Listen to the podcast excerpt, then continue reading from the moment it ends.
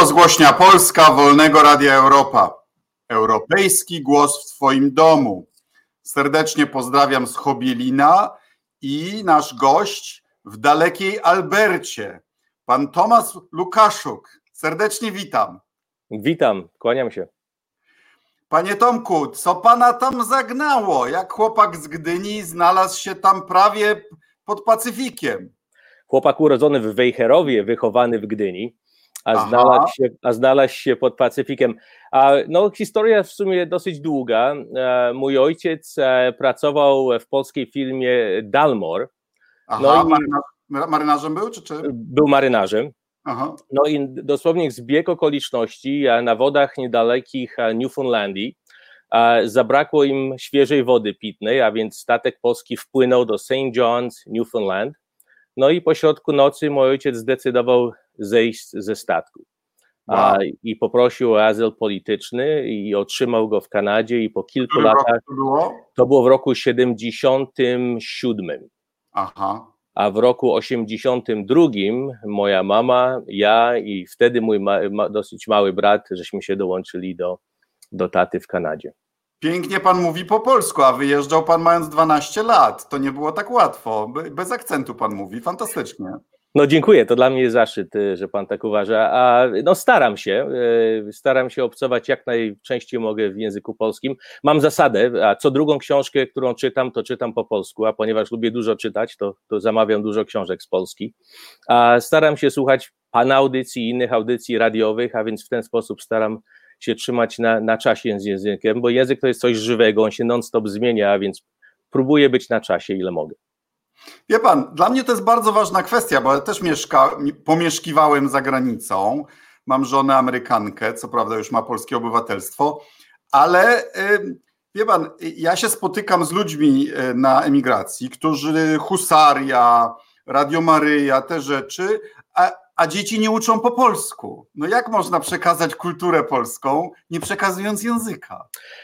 To jest problematyczne z kilku y, punktów widzenia. Numer jeden, wydaje mi się, że jako Polacy powinniśmy być dumni z naszego języka i go podtrzymywać, nieważne gdzie jesteśmy, ale też ja mam dwie córki. Jedna jest, e, uczy się na, na uniwersytecie i, i, i teraz podczas wakacji uczęszcza uniwersytety w Polsce, a właśnie, żeby doszlifować swój język polski. A więc moim dzieciom y, znajomość trzeciego języka, bo tutaj też i francuski jest językiem wymaganym, jest bardzo pomocna i na pewno w życiu im się, im się to przyda. Ale ma pan rację, ja często spotykam się e, z Polakami, którzy mieszkają poza granicami Polski przez niewiele lat i jakoś zapominają języka polskiego, a więc nie wiem od czego to jest uzależnione. A przecież nie jest tak trudno, tak? Wystarczy z dzieckiem y, y, konsekwentnie rozmawiać w jednym języku i dzieci to chwytają bez wysiłku, prawda? Oczywiście, choć muszę panu powiedzieć, że my sobie jako Polacy nie zdajemy z tego sprawy, ale język polski jest bardzo trudnym o, tak. językiem tak. do nauczenia się. Moja tak. żona też nie jest Polką, jest, jest rodowitą Kanadyjką a, i postanowiła kilka lat temu a, uczyć się języka polskiego i pamiętam, po pierwszym dniu szkoły wróciła do domu z płaczem ale, ale, ale nauczyła się na tyle języka polskiego, że zawsze mówię, że, że może być niebezpieczna, bo rozumie wszystko, co ja mówię w języku polskim. No moja żona właśnie publikuje swoją taką autobiografię w postaci wywiadu rzeki pod tytułem Matka Polka, którą niniejszym serdecznie polecam. Wspaniale, dziękuję. Na, na pewno będzie to jedna z moich jednych, drugich książek. E, był pan wicepremierem olbrzymiej e, prowincji Alberta, dwa razy większej od Polski, bogatej w ropę, e, zamieszkałą przez wiele milionów ludzi, z dwoma ważnymi ośrodkami. I zdaje się, że był pan pierwszym tak wysoko postawionym przedstawicielem Polonii w Kanadzie, mimo że macie tam prawie milion ludzi, tak? Tak, no to był duży zaszczyt. Byłem pierwszy i do dzisiaj jestem pierwszym członkiem Rady Ministrów w Kanadzie, a więc Polonia w Kanadzie, muszę powiedzieć, nie jest za bardzo politycznie zaangażowana. I, I, to chyba jest normalne w, w Polonii, nie tylko w Kanadzie, ale, ale, ale w każdym kraju świata.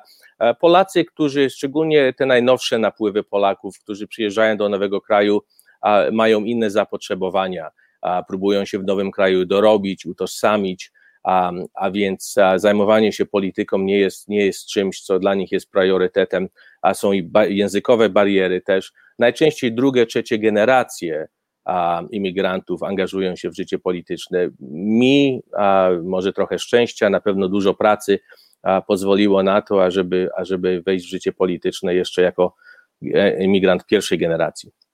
I określa się pan i należał pan nawet do partii politycznej, która się nazywała Progresywni Konserwatyści, tak? tak. Pies czy wydra? No jest pies, pies czy wydra. A y, w sumie to jest e, najstarsza, jedna z dwóch najstarszych partii politycznych w Kanadzie. Y, pierwszym premierem Kanady, e, John A. MacDonald, e, był, był założycielem partii progresywno-konserwatywnej. A, a więc tak, sama nazwa niby to pies, ni wydra, ale jest to po prostu, powiedziałbym, partia raczej wypośrodkowana, która wychodzi z założenia, ze spraw finansowych, e, jest bardziej konserwatywna, ale, ale gdy odnosimy do spraw, y, się do spraw bardziej socjalnych, powiedziałbym, że jest to partia bardziej liberalna. W Kanadzie te nazwy y, y, naprawdę są trudne do określenia, dlatego, bo one są bardzo płynne, a więc w jednej prowincji konserwatysta może być uważany za liberała w drugiej prowincji, a więc to są tylko etykietki, które naprawdę nie określają. No, testujmy to na, na kilku sprawach. Stosunek do posiadania broni. Za, przeciw? A przeciw. Przeciw, czyli w Stanach już byście byli lewicą. W Stanach Zjednoczonych e, kanadyjskie partie konserwatywne, z wyjątkiem tej nowo utworzonej partii konserwatywnej, której ja nie jestem członkiem, to jest ta United Conservative Party, Zjednoczona Partia Konserwatystów, którą stworzył były premier Kanady Harper, ona bardziej się teraz przybliża do partii republikańskiej w Stanach Zjednoczonych a, jest mhm. bardziej powiedziałbym skrajnie prawicowa, ale mhm. dotychczas partie konserwatywne i liberalne, obie bardziej się zbliżają do partii demokratycznej w Stanach Zjednoczonych, aniżeli do partii republikańskiej. Mhm. Podatki niskie, wysokie. No, podatki czym niższe, oczywiście, tym, y, tym są lepszą zaletą, ponieważ e, pieniądze w kieszeni a osób indywidualnych są, są lepiej rozprowadzane i lepiej wydawane aniżeli poprzez rząd, ale też wierzymy w podstawowe programy społeczne, y, którymi rząd powinien się zajmować, a więc e, y, ponownie e, w różnicy do Stanów Zjednoczonych mamy opiekę zdrowotną, która jest bardzo podobniona do europejskiej, społeczna dla wszystkich. No, nie lubię używać tego słowa, że jest za darmo, bo nie jest, bo płacimy za nią przez podatki, ale jest ogólnie dostępna do wszystkich, dla wszystkich obywateli, a więc nie mamy a, prywatnej opieki zdrowia. Sądzi to samo z edukacją. Że Stany teraz pójdą drogą Kanady i Europy i stworzą wreszcie narodowy system ochrony e, zdrowia, no bo oni wydają dwa razy tyle w sensie PKB, co co my w Europie średnio rzecz biorąc, a 40% Amerykanów nie ma żadnego ubezpieczenia i nie ma dostępu do, do usług zdrowotnych. To jakiś absurd, prawda? Jest to absurd, ale, ale to, są, y, to są bardzo głęboko wdrążone ideologie. A, y, i, I wiem, że dużo obserwatorów, i, i gdy miałem spotkania z liderami różnych a, krajów. Ciężko politykom i politologom jest zrozumieć tą różnicę pomiędzy Kanadą a Stanami Zjednoczonymi, ponieważ y, opinia jest taka, że my musimy być bardzo podobni sobie, ponieważ no jesteśmy nie, blisko, a jednak nie jesteśmy. Tak. A więc y, w Stanach Zjednoczonych um, opinia na temat kanadyjskiej, co oni nazywają socjalistycznej opieki zdrowotnej, nadal nie jest pozytywna. A, a, I teraz, biorąc też pod uwagę e, problemy, jakie na pewno Stany finansowe będą miały, y, Stany Zjednoczone będą miały ze strony finansowej, a nie wiem, czy, czy podejmą tego typu mhm. przedsięwzięcia, choć y, radziłbym im przynajmniej rozpatrzyć, bo, bo uważam, że one są dosyć efektywne w Kanadzie. Tu ktoś po sąsiedzku pana ogląda, proszę bardzo. Wspaniale, witam. Mhm. Pani Izabela Król. No. Um, to proszę powiedzieć, y, jak na tle kanadyjskiego umiarkowanego konserwatyzmu jawi się polska prawica? Y, to znaczy taka silna rola, rola religii w polityce, bardzo tradycyjne wartości, podejrzliwość wobec Unii Europejskiej. Jakie jeszcze byśmy wymienili cechy tego? No, wielka podejrzliwość wobec imigracji co oczywiście w Kanada jest w innej sytuacji. Jesteście krajem w zasadzie wyłącznie imigrantów, prawda? Oczywiście. A y, powiedziałbym, że większość kanadyjskiego społeczeństwa i, i nawet w gronach konserwatywnych a, nie znalazłoby dla siebie odpowiednika w dzisiejszej polskiej prawicy. A, y, używając a, a, naszych standardów, a polska prawica byłaby tutaj uważana za ultraprawicę, a, a więc byłaby bardziej wymargi, wymarginesowaną partią w Kanadzie. Tak jest, dziękuję bardzo. A, znaczy, pewne rzeczy, które się w Polsce mówi codziennie, w Kanadzie byłyby uznane co? Za, za, za bliskie przestępstwom kryminalnym? Mogłyby być, a nie, niektóre wypowiedzi niektórych osób na pewno, e, na, na pewno skłaniałyby do rozpatrzenia, czy nie wchodzą w ramy mowy nienawiści przeciwko niektórym grupom mniejszościowym bez dwóch, bez dwóch zdań. A o ile chodzi o powiązanie rządu a religii, a w Kanadzie na pewno jest większe zróżnicowanie pomiędzy rządem a, a Kościołem. Rząd nie ingeruje w sprawy Kościoła, a, Kościół w sumie nie ingeruje w sprawy no dobra, ale dlatego, że kościołów macie różnorodność, nie macie jednej dominującej religii czy wyznania, prawda? No, w sumie wiara katolicka jest dominującą, jest największą religią -hmm. w Kanadzie i, i w sumie. Tak, i wszystkie religie chrześcijańskie, y, łącznie protestanckie w połączeniu z katolicką, na pewno są ogromną większością, mhm. ale w sumie większość religii, czy to są religie muzułmańskie, czy, czy, czy żydowskie, czy, czy katolickie, najczęściej, o ile chodzi o ich poglądy socjalne, społeczne, to są bardziej konserwatywne, ale pomimo tego te religie nie ingerują w życie polityczne, powiedziałbym, tak aktywnie, jak zauważam to w Polsce. No właśnie, i wchodzimy do tematu bliskiemu, bliskiego panu. Wczoraj 75. urodziny obchodził ksiądz e, dyrektor um, Tadeusz Rydzyk. Jakie by mu pan spóźnione życzenia przekazał?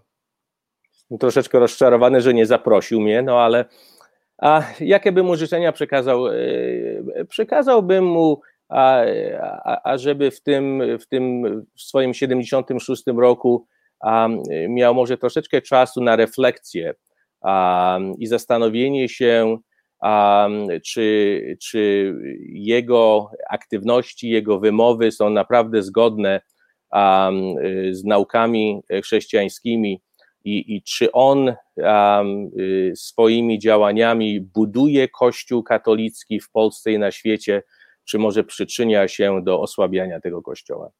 Mhm. Tu chyba znajoma? A, tak, a, to muszę powiedzieć, że pani Joanna Ciapka jest dosyć znaną znajomą w, w Polsce i w Kanadzie, bo a, jest główną e, skrzypaczką w, w symfonii edmontońskiej. O, pięknie.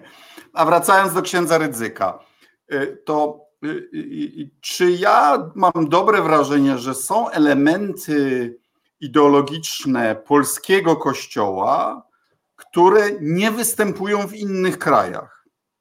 Bez dwóch zdań. I, i, ja dla...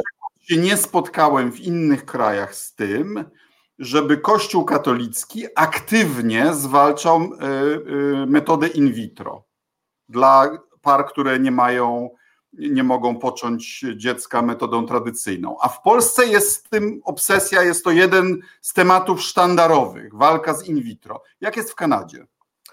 Tak, i, i, i, wydaje mi się, ta, ta aktywność Kościoła w życiu y, politycznym i społecznym a w Polsce jest upodstawowana historią Polski, która jest, jest bardzo odróżniona od historii Kanady. Kościół odgrywał dużą rolę w historii Polski, w kształceniu historii Polski. W Kanadzie w sumie religia nie była y, bardzo aktywnym aktorem na, na, scenie, na scenie politycznej nigdy. Y, o ile chodzi o zasady względem in vitro, aborcji i innych, innych procedur, na pewno Kościół powszechnie na całym świecie ma te same e, światopoglądy i, i ustosunkowuje się w ten sam sposób, ale różnica jest taka, że w Kanadzie ta kampania to lobby kościelne powiedziałbym, że jest takie bardziej pasywne, ciche. Na pewno y, księża namawiają e, swoich wiernych, ażeby nie brali udziału w danych procedurach, ale w żaden sposób aktywnie nie, nie tępią tego na forum publicznym i nie ma tak bardzo aktywnego lobby. A co, co się stało z pańską e, petycją? Najpierw było, miało być 100 tysięcy, jest znacznie powyżej 100 tysięcy. Miała być dostarczona e, papieżowi za pośrednictwem arcybiskupa, ale wysłał ją pan bezpośrednio. I co? A więc e, trzeba naprawdę dać dużo kredytu paru Polakom, którzy chcą nadal być anonimowi, którzy stworzyli tą petycję. I, Proszę a, powiedzieć, co nie jest. Słucham? Proszę powiedzieć, co w niej jest. A więc jest to petycja, e, która jest e, nadal na internecie, już ma ponad 200 tysięcy podpisów, w większości Polaków e, zamieszkujących w Polsce. I, I ona zwraca się do papieża, żeby ukrócił aktywności polityczne księdza Rydzyka w Polsce. Ci dwaj panowie, profesorowie, uważali, że lepiej byłoby, ażeby ta petycja była przekazana na ręce Kościoła nie poprzez Episkopat Polski, nie byli przekonani, czy ona by dotarła do Watykanu, a więc nie wiem dlaczego, ale znaleźli mnie i zwrócili się do mnie i ponieważ zgadzam się z treścią tej petycji, um, zaoferowałem swoją pomoc i złożyłem tą petycję tutaj arcybiskupowi w, de, w diecezji edmontońskiej, ale też przesłałem ją kurierem do kancelarii papieża w Watykanie i do nuncjusza papieża w Ottawie. Do dzisiaj otrzymałem odpowiedź od nuncjusza pisemną, że Watykan i nuncjat e, w Ottawie otrzymali daną petycję z moim listem, ale jeszcze nie mam, czekam na konkretną odpowiedź, w jaki sposób mają zamiar za, za, zareagować na tą petycję. A co pana szczególnie zbulwersowało? Znaczy, proszę przykład, podać przykład takiej działalności politycznej, która według pana jest niedopuszczalna. Wie pan, y, ja bym się w ogóle nie angażował w tą sprawę, a gdyby ksiądz lub pan Rydzyk nie przyjeżdżał do Kanady i do parafii polonijnych w Kanadzie i nie wszczynał tutaj kampanii zbierania pieniędzy y, w, w Kanadzie. On tutaj przyjeżdża i, i ma przemówienia, są to płatne przemówienia um, i, i, i, ma zarejestrowane. Wiary w kościele. Tak, nie, nie w kościele, ale, ale najczęściej w podpiwniczeniach y, y, kościelnych lub, lub w jakichś, jakichś aulach, ale też ma założone, jest członkiem y, rad nadzorczych kilku organizacji zarejestrowanych w Kanadzie i zbiera też pieniądze w ten sposób. Rozumiem, że przelewy pieniędzy y, są y, y, o kwotach a ćwierć miliona dolarów rocznie, a no tylko z Kanady miliona. Nie, i, i, to samo ma miejsce w Stanach Zjednoczonych. A więc moją obiekcją było, że to, że te jego przemówienia, które naprawdę często są obraźliwe i tak jak już wspomniałem, są na, na konkret, no na przykład nazywanie grup LGBTQ jako zaraza tęczowa. Zaraza to jest coś, co powinno się tępić i, wybijać. Ksiądz arcybiskup Jędraszewski, tak jak ja pamiętam. No i Radio Maryja często powtarza, e, powtarza e, tego typu terminologię, a więc jest to, ja mam ogromne obiekcje do nazywania kogokolwiek lub jakiejkolwiek grupy zarazą, a jest to nie tylko obraźliwe, ale, ale już właśnie wchodzi na pogranicza mowy nienawiści. Dużo odniesień w, w, jego audycjach radiowych i telewizyjnych na temat grup żydowskich, na, na temat emigrantów, emigracji w Europie. No, oni A więc... że te żydowskie, y, że teraz kontrolują, że kiedyś to słuchacze tak pojechali na żywo, no że tego nie mogli skontrolować. No, a, a, jednak Departament Stanów Stanów Zjednoczonych uznał e, radiostację Radio Maria jako a najbardziej nienawistną radiostację w całej Europie, a więc Poważnie? Nie tego. Tak, tak jest, oczywiście jest oficjalny dokument wydany przez Departament Stanu Stanów Zjednoczonych. Chyba nie za tego prezydenta, co? No nie za tego prezydenta. Aha. A więc y, w Kanadzie oczywiście mamy wolność słowa, ale gdy mamy tutaj księży, którzy przyjeżdżają i, i propagują um, tego typu teorie i, i podburzają społeczeństwo i i, i, i, i określają grupy mniejszościowe taką terminologią, to po prostu jest niedopuszczalne i, i, i dlatego ja się zaangażowałem. To nie jest o ludziach, tylko o tej ideologii e, genderyzmu, która rozmywa tradycyjny podział na kobiety i mężczyzn i która chce zniszczyć tradycyjną rodzinę i że z tym walczą, a nie z tym, a nie z gejami czy innymi. No, nie zgadzam się. Nie ma ideologii bez ludzi. To nie jest ideologia. Numer jeden, ja kwestionuję tą terminologię, czy to jest ideologia. Ideologia to jest coś, co my sami stwarzamy, i to są opinie, i, i, i my próbujemy przekształcać społeczeństwo, ażeby odzwierciedlało nasze opinie a y, bycie członkiem grupy LGBTQ to nie jest ani opinia, ani wybór, to jest, to jest, to jest natura. Um, i, i, ja nie uważam i jestem przekonany, że, że nie ma żadnej agendy, ażeby przekształcać, bo wydaje mi się, y, panie ministrze, że członkowie grupy LGBTQ mogliby spędzić z panem dużo czasu i, i nie udałoby im się namówić pana, um, ażeby zmienić pana naturalną, genetyczną. nie byłoby im nie, nie. nie byłoby im łatwo, tak jest. A więc, a więc tego typu przemówienia po prostu nie mają miejsca w Kanadzie. To są, to są rozmowy, które były na forum politycznym kilka dekad temu. Um, I poprzez przyjeżdżanie tutaj on wskrzesza tego typu rozmowy i po prostu polaryzuje nasze społeczeństwo. Um, a więc nie jest to w żaden sposób pozytywne dla nas, y, mieszkańców w Kanadzie, i wiem, że to jest tylko oparte na tym, że, że w ten sposób zbiera fundusze na, na swoje y, aktywności w Polsce. Jestem ciekaw, czy zarobki w Kanadzie podlegają też y, jakimś deklaracjom podatkowym w Polsce.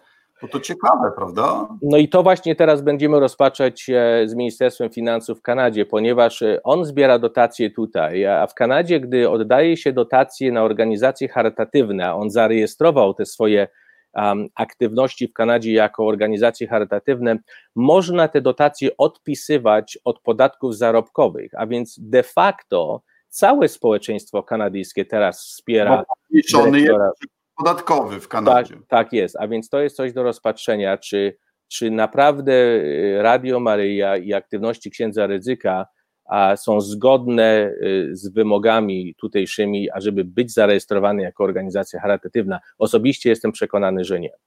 Mhm. A zmieniając temat, jak radzicie sobie z pandemią? No oczywiście pandemia była wielkim wyzwaniem e, w Kanadzie i w poszczególnych prowincjach, e, tak jak i w Europie i wreszcie świata. Do dzisiaj e, przeprowadziliśmy 900 tysięcy testów na obywatelach Kanady i mamy około 60 tysięcy diagnoz pozytywnych.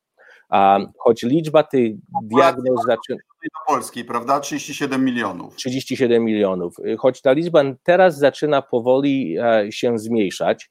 No i mamy z przykrością, e, muszę powiedzieć, e, około 3700 ofiar. Mhm. Wchodzimy w pierwszą fazę otwierania się jako społeczeństwo, a więc niektóre sklepy będą otwarte od 1 maja pola kampingowe i parki zostały otworzone, ale nadal z regułą utrzymywania dystansu dwóch metrów um, od siebie. Decyzje już po, były podjęte w większości prowincji Kanady, że szkoły ani podstawowe, ani uniwersytety nie będą otwarte do przyszłego roku szkolnego. Mhm. Mhm. Czy, y, y, czy pan zachował polskie obywatelstwo? Ma pan prawo do głosowania w Polsce? Ależ oczywiście, mam ważny paszport polski, tak, jestem z niego bardzo dumny. Jak często pan jeździ do Polski? E, panie ministrze, y, y, podczas, podczas mojej pracy w rządzie w Polsce byłem w miarę często, bo było, były podstawy, żeśmy w tym czasie negocjowali a, układ wymiany a, handlowej pomiędzy Europą a, a Kanadą, znany jako CETA. A, system kanadyjski ponownie politycznie jest odwrotny od większości krajów świata i, i tego typu międzynarodowe E, układy muszą być ratyfikowane poprzez poszczególne prowincje, a więc ja byłem w to włączony, więc w Polsce byłem w miarę często, ale muszę teraz powiedzieć, że moja żona, jak już wspomniałem, która nie jest Polką, bardzo polubiła Polskę i ona teraz jest głównym bodźcem, który nas namawia, żeby odwiedzać Polskę jak najczęściej, więc spędzamy w Polsce e, no, w miarę sporo czasu. Co drugi rok na pewno jestem w Polsce. Muszę, muszę tu kolejną reklamę wstawić. Moja żona jest autorką e, polskiej książki kucharskiej opublikowanej w Stanach po angielsku. from my Polish uh, country garden. O, Serdecznie polecam. no nie wiem, czy będę miał dosyć odwagi, ażeby dać mojej, mojej żonie książkę kucharską, bo powie mi, żebym sam sobie ugotował, ale, ale, ale zasugeruję, jakoś delikatnie zasugeruję. Pan A, ale, ale cieszymy się, konserwatywna. ale zobaczymy, spróbuję. No i, i jak? Będzie pan głosował w tych wyborach, czy nie? Dostał już pan jakąś informację z konsulatu, jak to ma wyglądać? A więc będzie to problematyczne i jak pan e, minister może wie, ja właśnie w tej sprawie napisałem list otwarty do premiera w Polsce Morawieckiego, ażeby, um, ażeby go uczulić e, na, na problemy, które tutaj e, Polonia będzie odczuwała. A więc w tych wyborach, w, e, w odróżnieniu od wszystkich byłych polskich wyborów, um, będą tylko urny wyborcze w konsulatach Rzeczypospolitej w Kanadzie. A z punktu widzenia geograficznego, konsulaty w Kanadzie są troszeczkę niefortunnie ulokowane, bo są trzy. A, Miałem osobiście się z tym zmagałem. Jesteście gigantycznym krajem po prostu. drugim na świecie, prawda? Więc, więc, więc prawie wszędzie jest się daleko od konsulatu. Więc pan ma pewnie co? Do Vancouver, kilkaset kilometrów, tak? No, ki- no 1100 kilometrów. 1100 kilometrów. Dobra. Tysiąc- A więc y, osobiście będzie niemożliwy wyjazd, dlatego bo jest, Można było wysłać maila do konsulatu, zarejestrować się i można było zagłosować korespondencyjnie, prawda? tak. PiS to najpierw zmienił, teraz próbuje korespondencyjnie zrobić dla wszystkich, oprócz zagranicy, gdzie już zostaliście zaproszeni do, znowu z powrotem do konsulatów, co jak rozumiem u was w czasie lockdownu, pandemii, byłoby złamaniem kanadyjskiego prawa, tak? Tak jest, kilka problemów. Numer jeden, we wszystkich byłych wyborach e, w Kanadzie mamy e, mnóstwo konsulów honorowych Rzeczypospolitej i oni też pootwierali swoje, swoje urny, a więc było ich więcej prawdziwych fizycznych urn w całej Kanadzie. W tym e, roku, z tego co rozumiem, a propozycja jest taka, że urny będą tylko w konsulatach, a więc w Ottawie, Montrealu i w Toronto. To jest na jednym krańcu Kanady, no i, i, w, i w Vancouver. A większość obywateli Kanady będzie miało dystansy do przebicia, prze- przebycia ponad 1000 kilometrów. A więc problem jest taki, że y, przemieszczanie się z prowincji do prowincji teraz jest niedozwolone, chyba że jest wyjazd wymagany. Więc gdybym ja chciał jechać do Vancouver, do konsulatu, będę zatrzymany na granicy Alberty, Brytyjskiej Kolumbii, lub gdy moje tablice rejestracyjne z Alberty będą widziane w Vancouver, jest duża szansa, że policja mnie zatrzyma i będzie się pytała, dlaczego jestem w Vancouver. A byłoby to złamaniem a, dzisiejszych zasad. No to co pan sądzi o tym, że przedwczoraj mieliśmy Dzień Flagi i Polaków za granicą E, i rząd się no, jak wypowiadał, jak to Polaków szanuje, jak apeluje do nich o walkę o dobry wizerunek Polski, a jednocześnie daje wam taki pasz, pasztet, że w realu pozbawia was prawa wyborczego.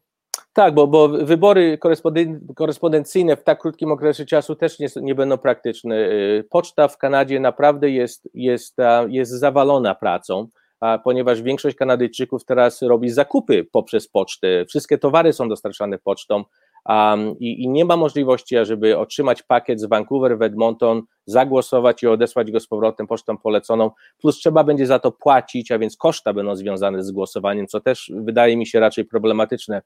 Ale A, teraz y, Uważaj, wie pan- uważaj, bo to nie jest koniec. Przecież wybory prezydenckie, przynajmniej teoretycznie, mają dwie tury.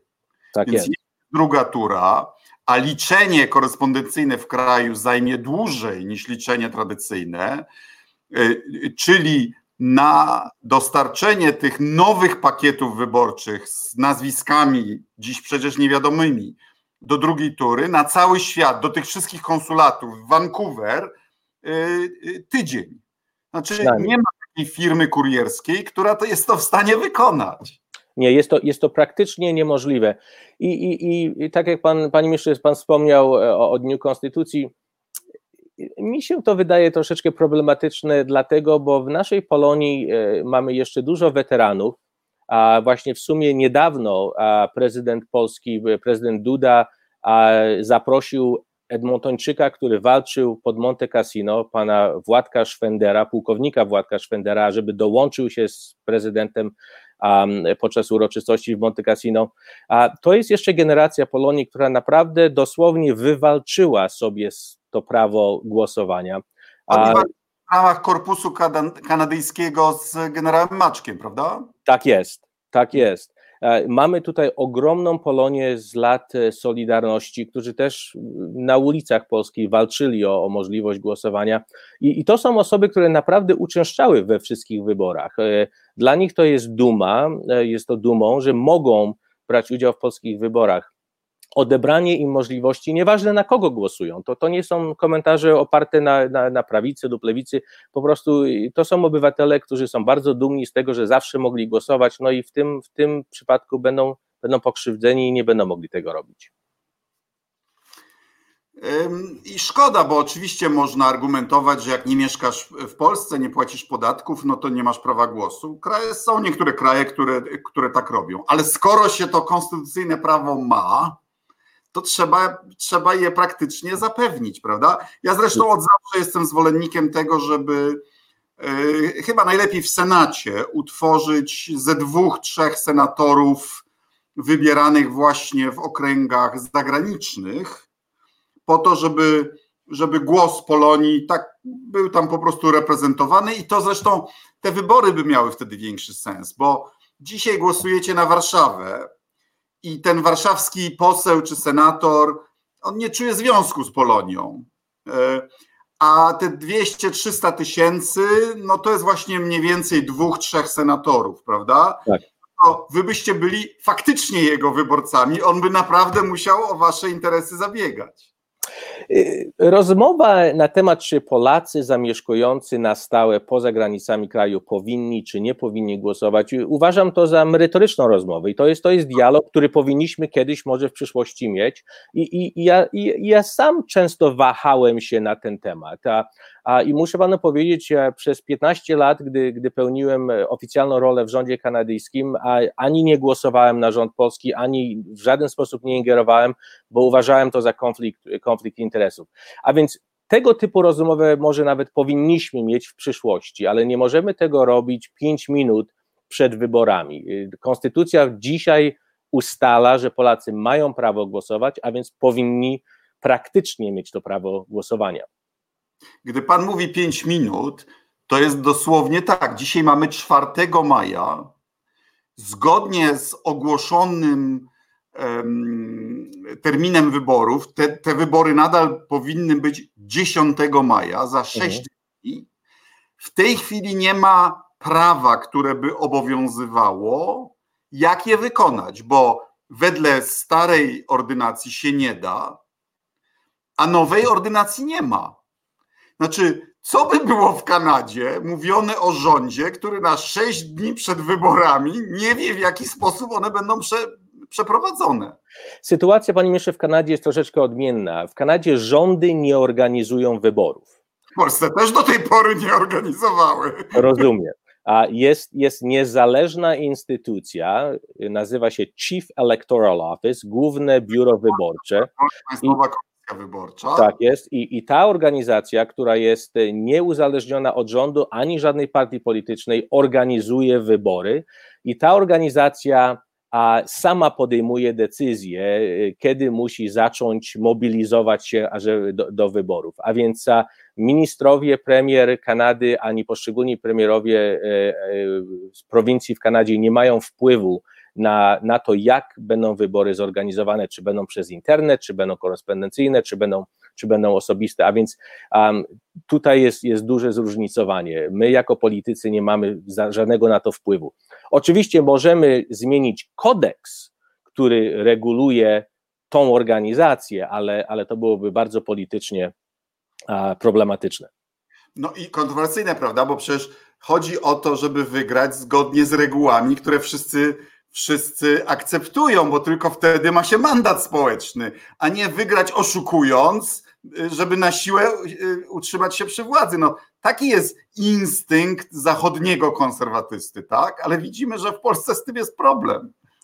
No, wygrana jest, jest oczywiście, wszyscy jesteśmy w polityce, każda partia, ugrupowanie polityczne się tworzy po to, ażeby kiedyś stworzyć rząd, bo mamy jakieś światopoglądy i chcielibyśmy je wprowadzić w życie i ażeby je wprowadzić w życie, musimy być partią rządzącą. To, to jest naturalne, ale, ale samo wygranie dla siebie to, to, to, to nie jest triumfem, jeżeli nie mamy właśnie tego mandatu społecznego, jeżeli nie mamy społecznego y, poparcia i, i, i to jest w sumie triumf bardzo krótkoterminowy. E, I, i, I, też musimy być bardzo ostrożni, jak będziemy odbierani na arenie światowej jako, jako liderzy. Jeżeli będą podejrzenia, że dani liderzy nie wygrali e, wyborów w sposób otwarty, a y, będzie to problematyczne dla, dla danego rządu na, na arenie światowej. Na pewno liderowie innych krajów a będą brali to pod uwagę. Panie Tomaszu, kończymy, ale widzę, że y, ciągnie wilka do lasu, że teraz jest pan w sektorze prywatnym, ale polityką się pan nadal pasjonuje, więc mam nadzieję, że się w niej znowu spotkamy.